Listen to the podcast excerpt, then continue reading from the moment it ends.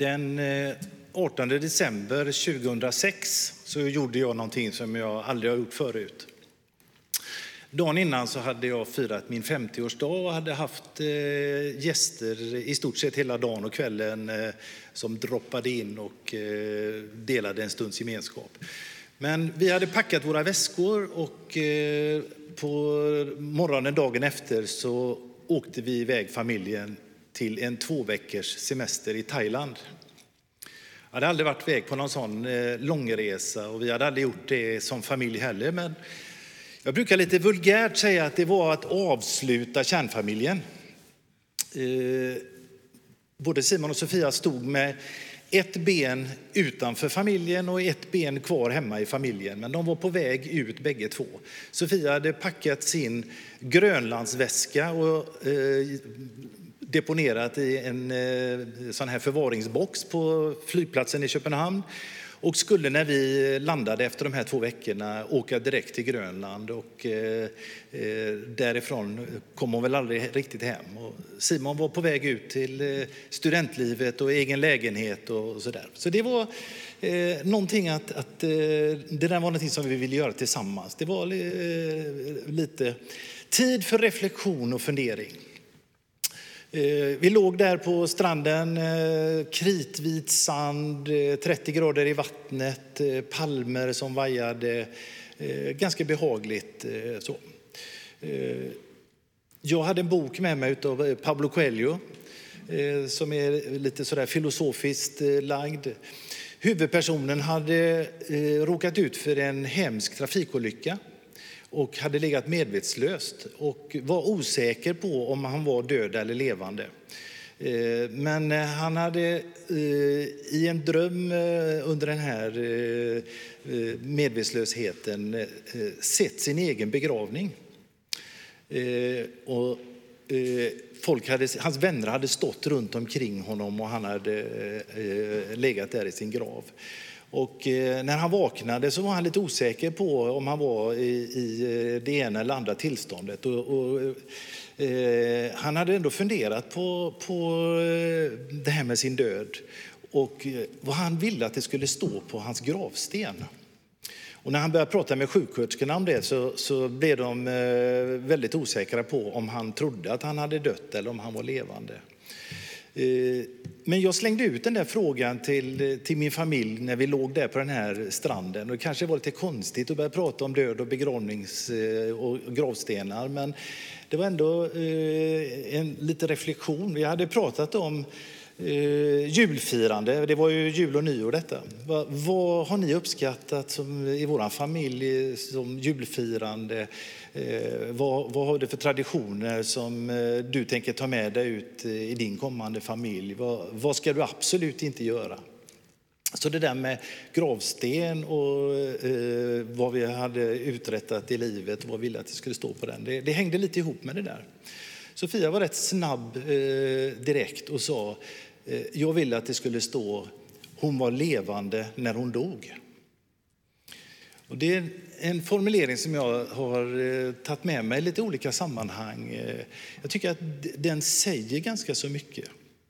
Eh, är vi levande när vi är här? Det finns många människor som är mer eller mindre döda fastän att de fortfarande är levande. Och kanske att det är en liten reflektion att ta med sig och fundera på vad, vad skulle vi behöva? Vad behöver du? Vad behöver jag? för att vara så levande som möjligt under den tiden som vi är här på jorden. Kanske du har lust att ta med dig den där reflektionen, så, om det skulle sammanfattas någonting, om det skulle sägas någonting om mig som en liten text på min gravsten, vad skulle det vara då? Välkommen till en eh, liten sommarandakt eh, som kommer att bestå av eh, musikstycken, lite psalmsång, lite textläsning, där vi kommer att varva lite musik från Erik och Ulli, vi ska sjunga lite tillsammans och jag kommer att mellan de här musikstyckena att ha några texter, några reflektioner. Vi börjar med att sjunga psalm 820.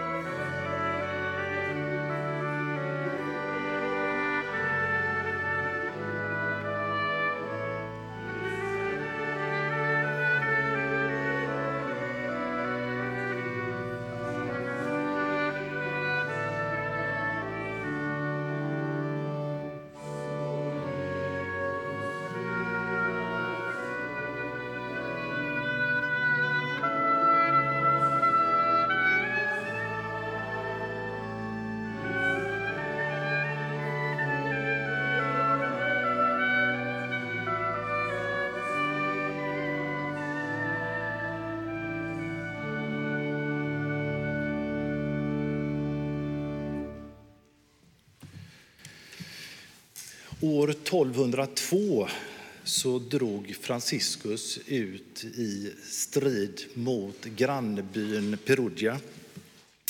Han var son till Pietro Bernardone som var en framgångsrik klädhandlare. Men Franciscus han drömde om ära och framgång. Han ville bli riddare. Han ville göra sig ett namn, han ville inte eh, eh gå hemma i pappans klädbutik. Han var lite av eh, den tidens playboy. Eh, han hade det ganska gott ställt. Pappan var ganska förmögen och han fick eh, pengar så han kunde dra runt från krog till krog med sina vänner och hade ett ganska behagligt liv. Kriget gick inte riktigt som han hade önskat sig. Man förlorade ganska bittert. Han blev tillfångatagen och han blev satt i fängelse. Och, eh, hans pappa försökte på alla sätt att eh, få honom frigiven, och, och, eh, men han blev ändå sittande över ett år i fängelse och eh, led ganska mycket. Han var sjuk och det var eh, inte samma liv som han var van vid. Eh, naturligtvis om man sitter fängslad eh, under sådana omständigheter så eh, är det svårt att undgå Eh, Eh, att tänka, reflektera, fundera över livet. Eh, så. Eh, efter ett år så lyckades pappan få honom fri och trodde väl att nu hade han sin arvtagare säkrad. Och han gjorde ett, Franciscus gjorde ytterligare ett, ett litet försök ut att ta anställning som soldat. Men en dag satt han i kapellet Eh, i San Damino eh, och fick en uppenbarelse. Det var som att krucifixet talade till honom och sa till honom det. Du ska reparera kyrkan. Eh, och han hade också eh, funderat mycket på vad han skulle kunna göra. Eh, han eh, såg att man behövde göra någonting för de fattiga och de, de sjuka. Eh, och den här uppenbarelsen gjorde att han bestämde sig för att ändra sitt liv. Han tog en del av det som var pappans eh, ägodelar och sålde det för att få ihop pengar till eh, att reparera kyrkan. Det föll inte i så god jord. Han hamnade på kollisionskurs med sin pappa som inte alls uppskattade det där. Och de hamnade i domstol till slut. Och han bestämde sig för att eh, han skulle ägna sitt liv åt att bara göra gott för de fattiga och de sjuka. Han sålde allt som han hade, han avsade sig arvet eh, från sin pappa och eh, klädde sig i en brungrå särk, barfota och gav sig ut och levde bara resten av sitt liv för att göra gott för de fattiga. Han bildade eh, några år senare Franciscusorden eh, som efter det har eh, levt på det sättet. Det finns en bön som, som kallas för Franciscusbönen. Den är inte alls skriven av honom. Den är skriven i samband med, med första världskriget. Men det spelar ingen roll för den säger ganska så mycket om vad det var för vision han hade, vad var det för, för önskan han hade med sitt liv. Och den säger någonting eh, inspirerande för oss också. Herre, gör mig till ett redskap för din fred. Hjälp mig att bringa kärlek där hatet gror.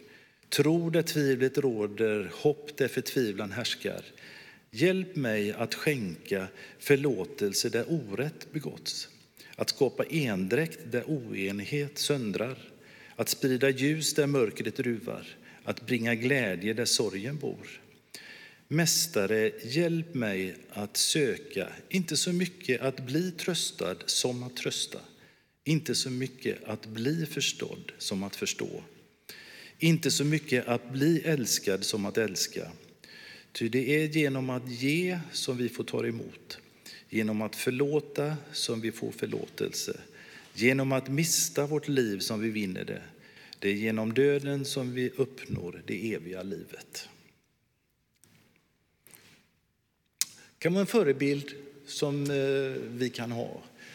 några andra sådär personer som, som eh, Eh, jag snubblar vid. Och det är ju inte så lätt egentligen. Viktor Frankl var österrikisk eh, eh, psykiater och psykoterapeut. Han överlevde fyra stycken olika koncentrationsläger och funderade mycket över det där. Vad, vad är det jag behöver för att när jag mister hela min familj, alla eh, i hans närhet hade, hade eh, Eh, fallit offer för, för koncentrationslägret och han hade eh, på olika sätt lyckats eh, ta sig vidare. Och han funderade mycket över meningen med livet och han pratade mycket om det där med att vi måste ha ett varför.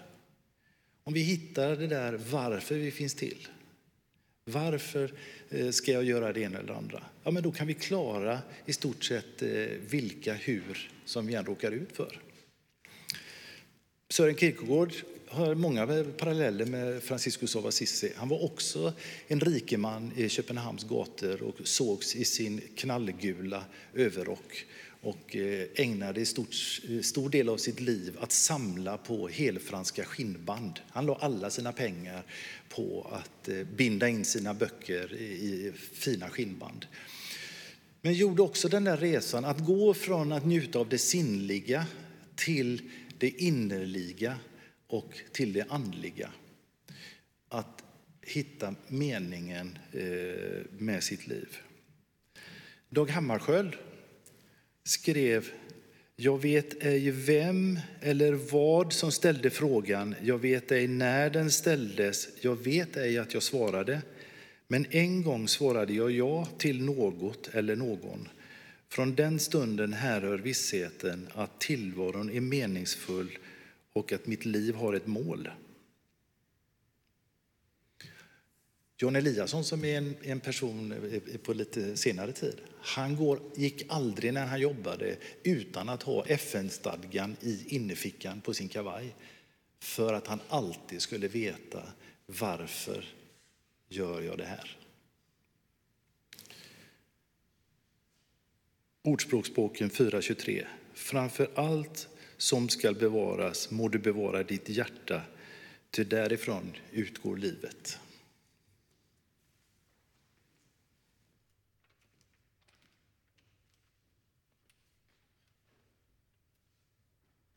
En trosbekännelse på Ingemar Johanssons vis kommer här.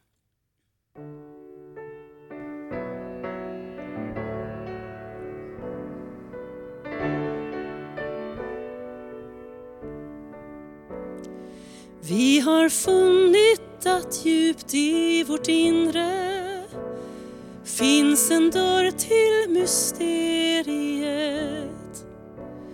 Ja, vi tror på det helande ljuset som bejakar en hel mänsklighet och gör oss till Ja, vi bär på en svindlande tanke att Gud finns i gemenskapens mitt. Som ett ljus i den kosmiska natten. Genomlyser han livet och gör. Och gör det till sin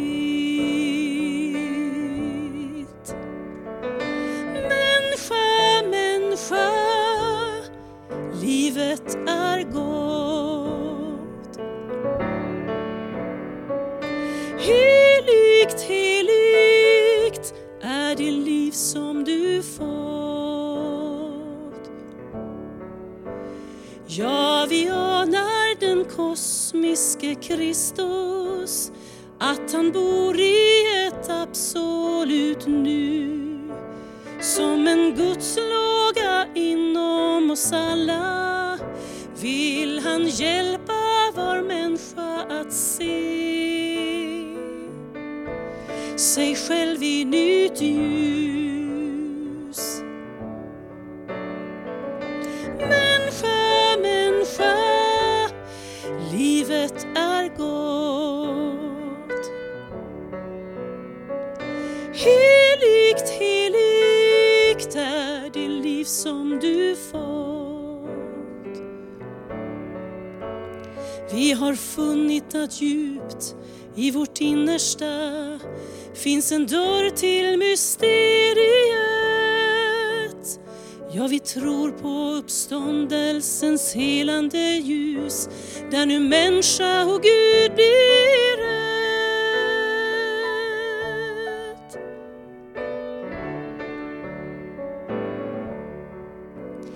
Ja, vi älskar den gåtfulla anden för den skingrar vår vilsenhet. Ordlöst öppnar hon tillvarons mening och förklarar den väg vi ska gå för att hitta till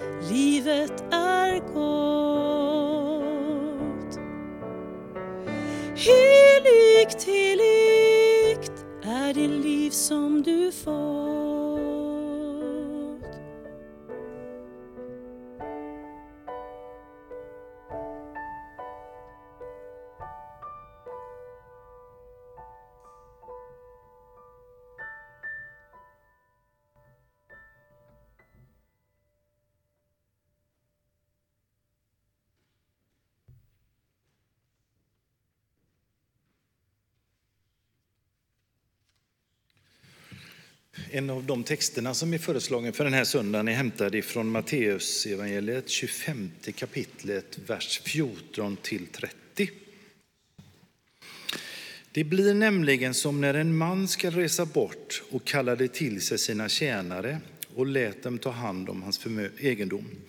Den ene gav han fem talenter, den andra två och den tredje en, åt var och en efter hans förmåga. Sedan reste han därifrån. Den som hade fått fem talenter gav sig genast iväg och gjorde affärer med dem så att han tjänade fem till. Den som hade fått två talenter tjänade på samma sätt två till. Men den som hade fått en talent gick och grävde en grop och gömde sin herres pengar. Efter lång tid kom, tjäna, kom tjänarnas herre tillbaka och krävde redovisning av dem. Den som hade fått fem talenter kom och lämnade fram fem till och sa, Herre, du gav mig fem talenter, här är fem till som jag har tjänat. Hans herre sa, bra, du är en god och trogen tjänare. Du har varit trogen i det lilla, jag ska anförtro dig mycket. Gå in till glädje hos din herre. Den som hade fått två talenter kom fram och sa, Herre, du gav mig två talenter. Här är två till som jag har tjänat. Hans herre sa, bra, du är en god och trogen tjänare. Du har varit trogen i det lilla, jag ska anförtro dig mycket. Gå in till glädjen hos din herre. Den som hade fått en enda talent steg också fram. Herre, sa han, jag visste att du är en hård man som skördar där du inte har sått och samlar in där du inte har strött ut. Jag var rädd och gick och gömde din talent i jorden. Här har du vad som är ditt. Hans herre svarade honom, du är slö och dålig tjänare. Du visste att jag skördar där jag inte har sått och samlar in där jag inte har strött ut. Då skulle du ha lämnat mina pengar till banken så att jag hade kunnat få igen dem med ränta när jag kom. Ta nu ifrån honom talenten och ge den åt mannen med de tio talenterna. Var och en som har, han ska få, och det är överflöd. Men den som inte har, från honom ska det tas också det han har. Kasta ut den oduglige tjänaren i mörkret där ute. Där ska man gråta och skära tänder. När vi förberedde detta så sa både Ulli och jag, den texten läser inte vi. Den överlåter vi till någon med lite teologisk utbildning som, som kan säga något klokt om detta. För det var väldigt svårt att eh, ta till sig den där texten. Den är långt ifrån den gudsbilden som jag har. Och den är långt ifrån den samhällssynen som jag har. Jag tror inte att det skulle vara så hälsosamt att ta ifrån dem som inte har och ge till dem som har i överflöd. Jag tror inte att eh, eh, Gud skulle eh, klanka på den som är rädd och osäker och som inte vågar. Jag tror att vi var och en på den här jorden är skapade till Guds avbild. Jag tror att Gud har satt sitt bomärke, sitt kännetecken på var och en av oss. Om det är som man säger att varenda sandkorn i Saras öken är unikt, varenda snöflinga på Alpens topp är unik, så är det klart att vi också är helt unika. Vi har unika fingeravtryck, vi har unika DNA. Vi är fullkomliga som vi är. Jag möter ju, eller har mött åtminstone genom åren, många människor som eh, är rädda, ängsliga, förtvivlade, som lider av prestationskrav och som eh, eh, förtvinar och eh, eh försvinner som människor. Jag vet inte om, om ni har lyssnat på eh, alla sommarprogram, men eh, Nora Khalil som är författare och som beskriver sitt liv som eh, att hon var tyst. Hon vågade inte säga en enda sak under hela sin skolgång. Hon kunde skriva fantastiskt och lärarna såg att hon hade talang, men hon svarade aldrig på en fråga. Hon vågade aldrig eh, höja rösten. Hon bestämde sig varje år för att i år ska det bli annorlunda. Men det blev inte. Inte förrän hon hade gått ut skolan och sökte sig till en skrivarkurs så vågade hon ställa upp i en poesitävling i en av förorterna i Stockholm. Och den här dikten läste hon i sitt eh, program eh, som eh, fick mig i alla fall att, att eh, haja till efteråt. Snälla, älska mig. Jag gör exakt vad du vill, bara älska mig. Älska mig som att jag var den vackraste solnedgången du har skådat. Älska mig som att jag var löneförhöjningen varje fredag.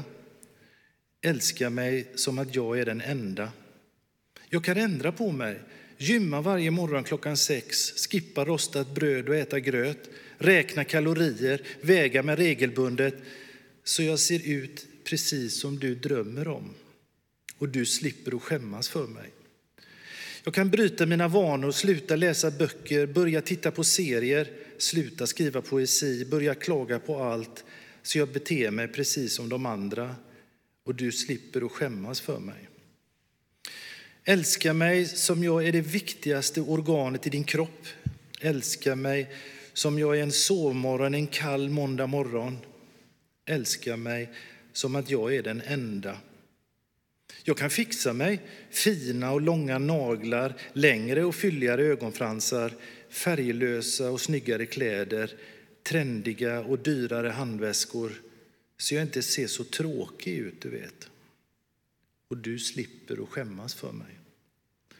Jag kan anpassa mig, slänga alla mina färgglada strumpor, börja lyssna på Spotify Top 50 äta ute minst tre gånger i veckan, köpa det senaste sminket så jag inte sticker ut från mängden och du slipper att skämmas för mig. Älska mig på ett sätt, men på flera vis. Men du vill inte älska mig.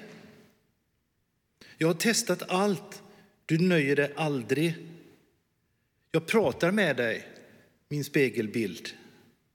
Varför vill du inte älska mig?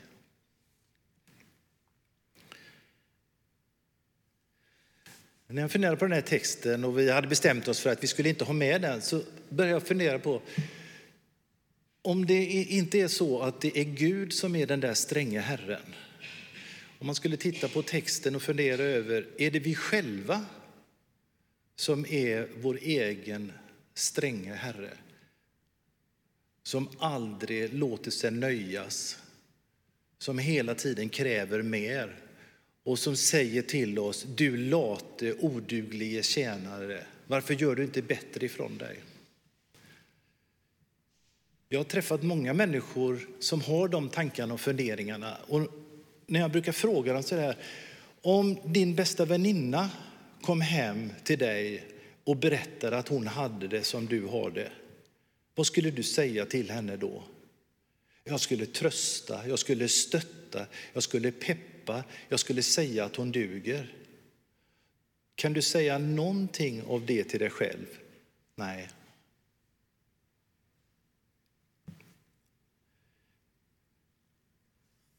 Kan det vara som Helen Sjöholm sjunger i Gabriellas sång? Jag har aldrig glömt vem jag var, jag har bara låtit det sova. Jag har en tavla på min, eh, i mitt terapirum eh, där jag träffar människor eh, som, som handlar om vår inre röst.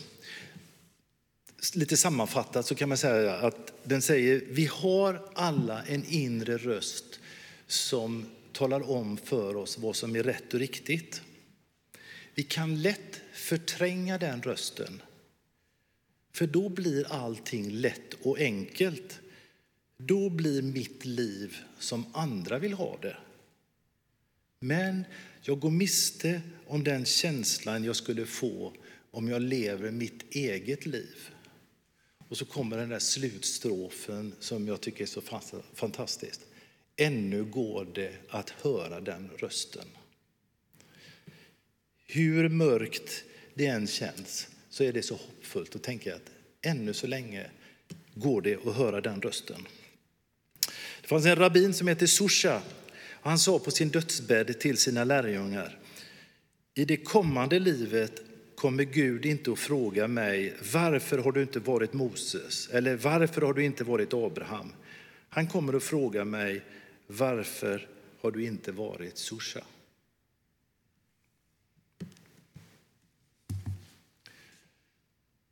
Psalm. Du som skapar livet. Och kollekt. Swishnumret står i boken. Eh, och vill du lägga kontanter så får du lägga det vid utgången eh, efter andakten.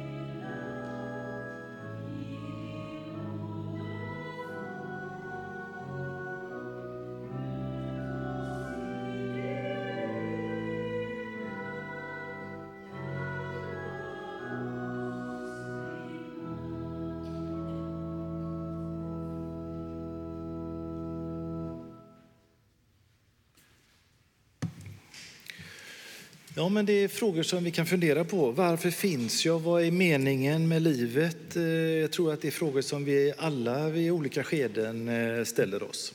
Särskilt kanske i svåra stunder.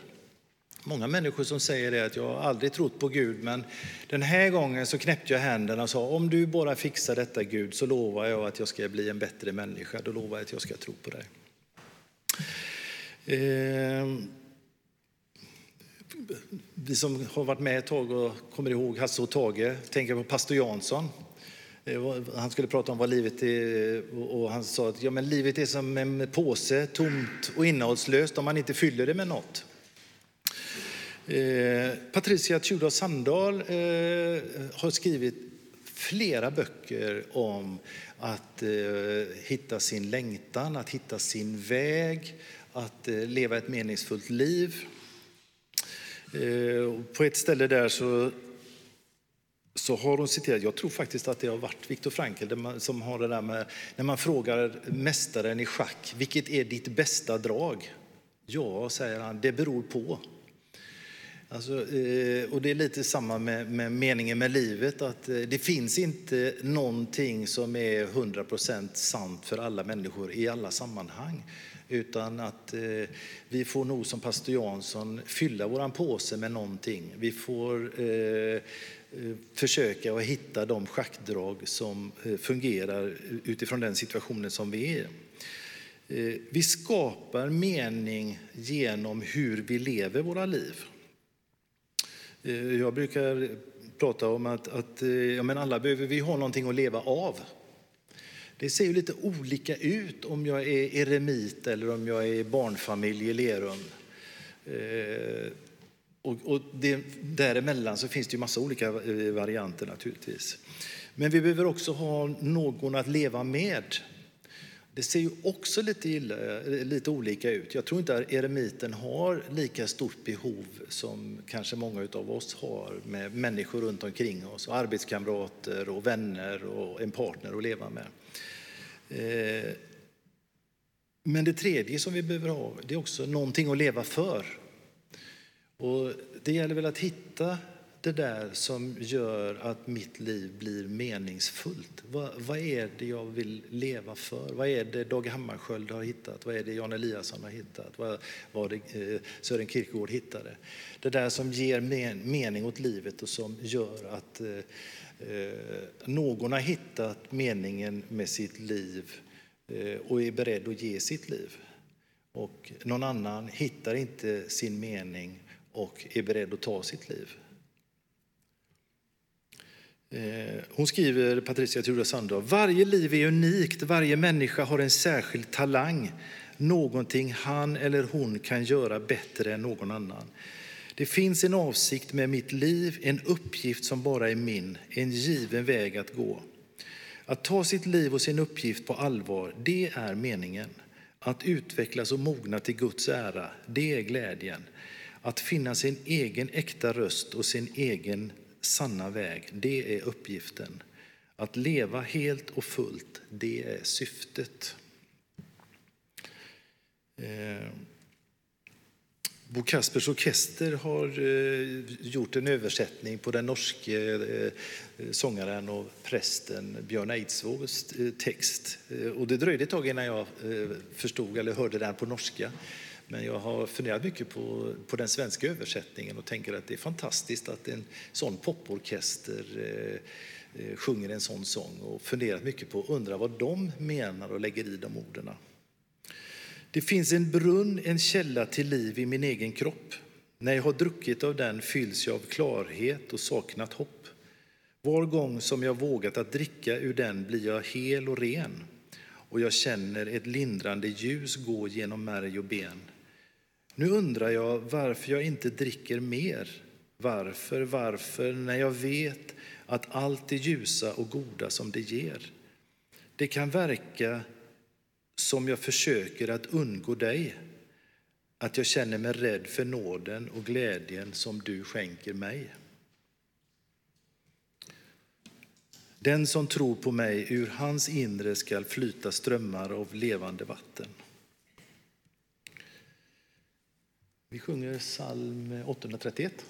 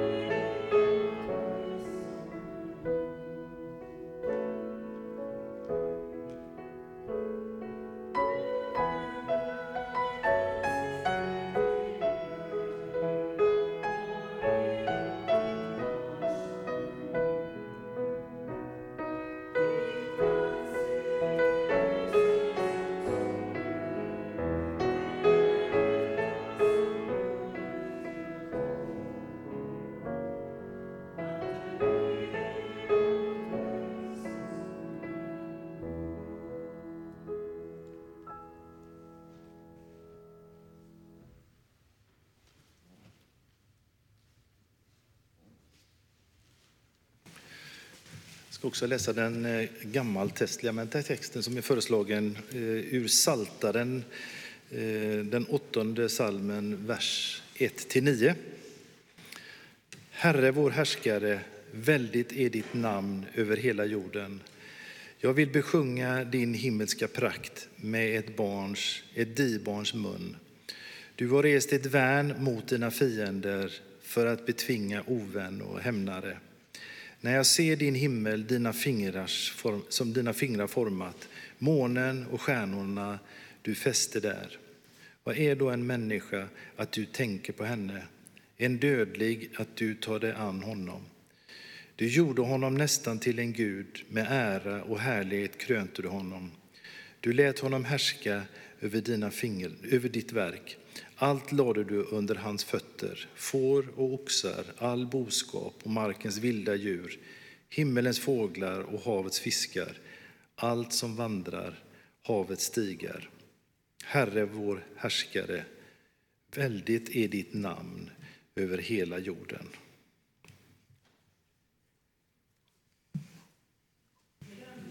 Om liv, tankar om hopp finns rotat djupt inom oss från början var det tänkt.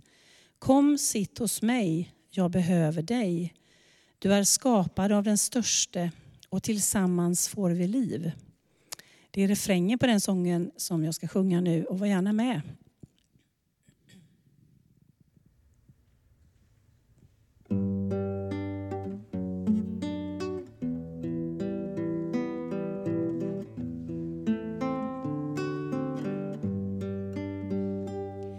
När människor snuddar och rör vid varann med allt det som livet lärt.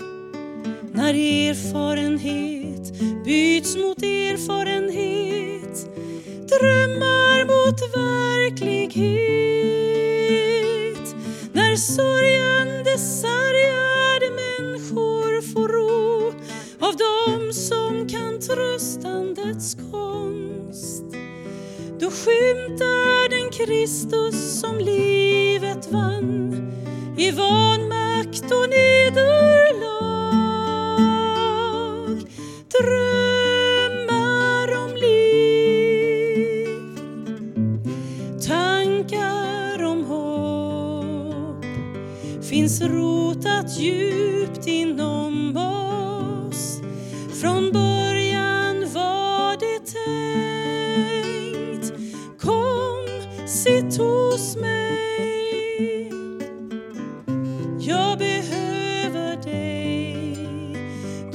skapad av den störste.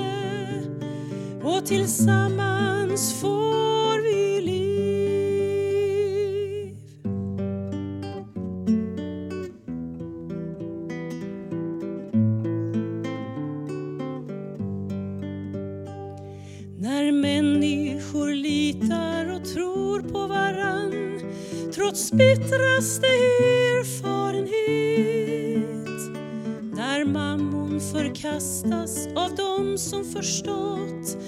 att livet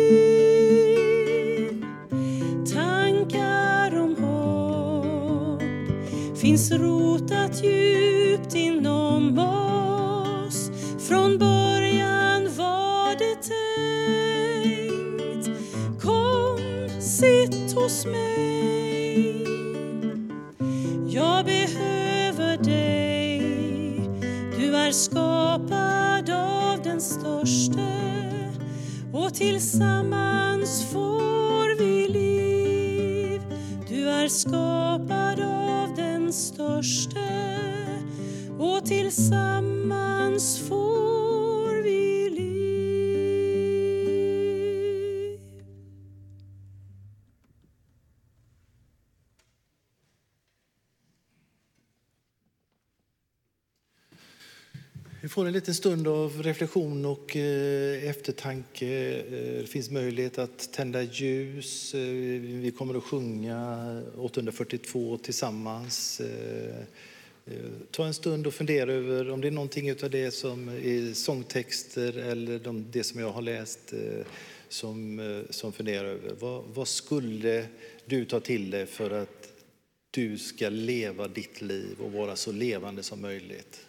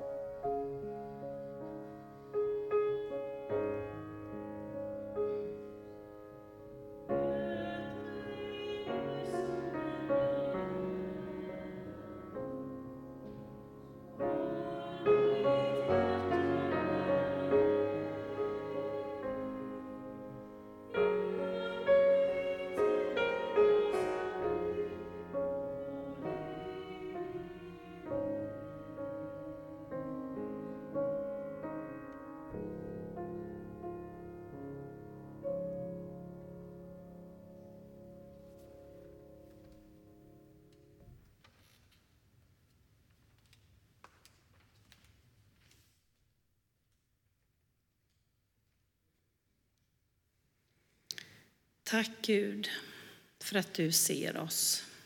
Du ser oss precis som de vi är. Trots att vi försöker förställa oss, trots att vi försöker uppnå någonting annat, trots att vi strävar emot. Låt oss få vila i dina ögon som inte är det minsta lik den där spegelbilden som dömer. Låt oss få vila i dina händer som bär oss och omfamnar oss. Som stärker oss när det behövs. Som pushar oss att göra det vi kanske inte vågar eller tror oss om att kunna. Hjälp oss att se gåvorna, talangerna i oss själva och också i varandra och våga nämna det vid namn, våga se det. Tack Gud för kyrkan i Lerum, för vad den får betyda i vårt samhälle och för varandra och för oss som kommer hit. Jag ber för församlingen, jag ber för den kommande terminstarten. Alla tankar och planeringar som ligger och puttrar, där du finns med. Tack att vi får vara med och vara ditt ljus för människor i vårt sammanhang. Jag ber att du, och vet att du ser och hör de här bönerna i form av böneljusen och suckarna som har sänts till dig. Det kan vara böner om hjälp, det kan vara böner i sorg. Det kan vara ljus tända av glädje och tacksamhet. Allt ryms i dig. Gud, vi är oroliga för vår värld. Vi känner ångest när vi ser hur människor beter sig mot varandra. Vi känner oro över klimatet och känner kanske att det inte går att göra någonting. Gör oss starka tillsammans. Hjälp oss att uppmuntra varandra och vara kloka tillsammans. Stärk oss och följ oss och led oss, Gud. Vi ber den bön som Herren lärde oss. Vår Fader, du som är i himlen. Låt ditt namn bli helgat. Låt ditt rike komma. Låt din vilja ske på jorden så som i himlen. Ge oss idag det bröd vi behöver och förlåt oss våra skulder liksom vi har förlåtit dem som står i skuld till oss. Och utsätt oss inte för prövning utan rädda oss från det onda. Ditt är riket, din är makten och äran i evighet. Amen.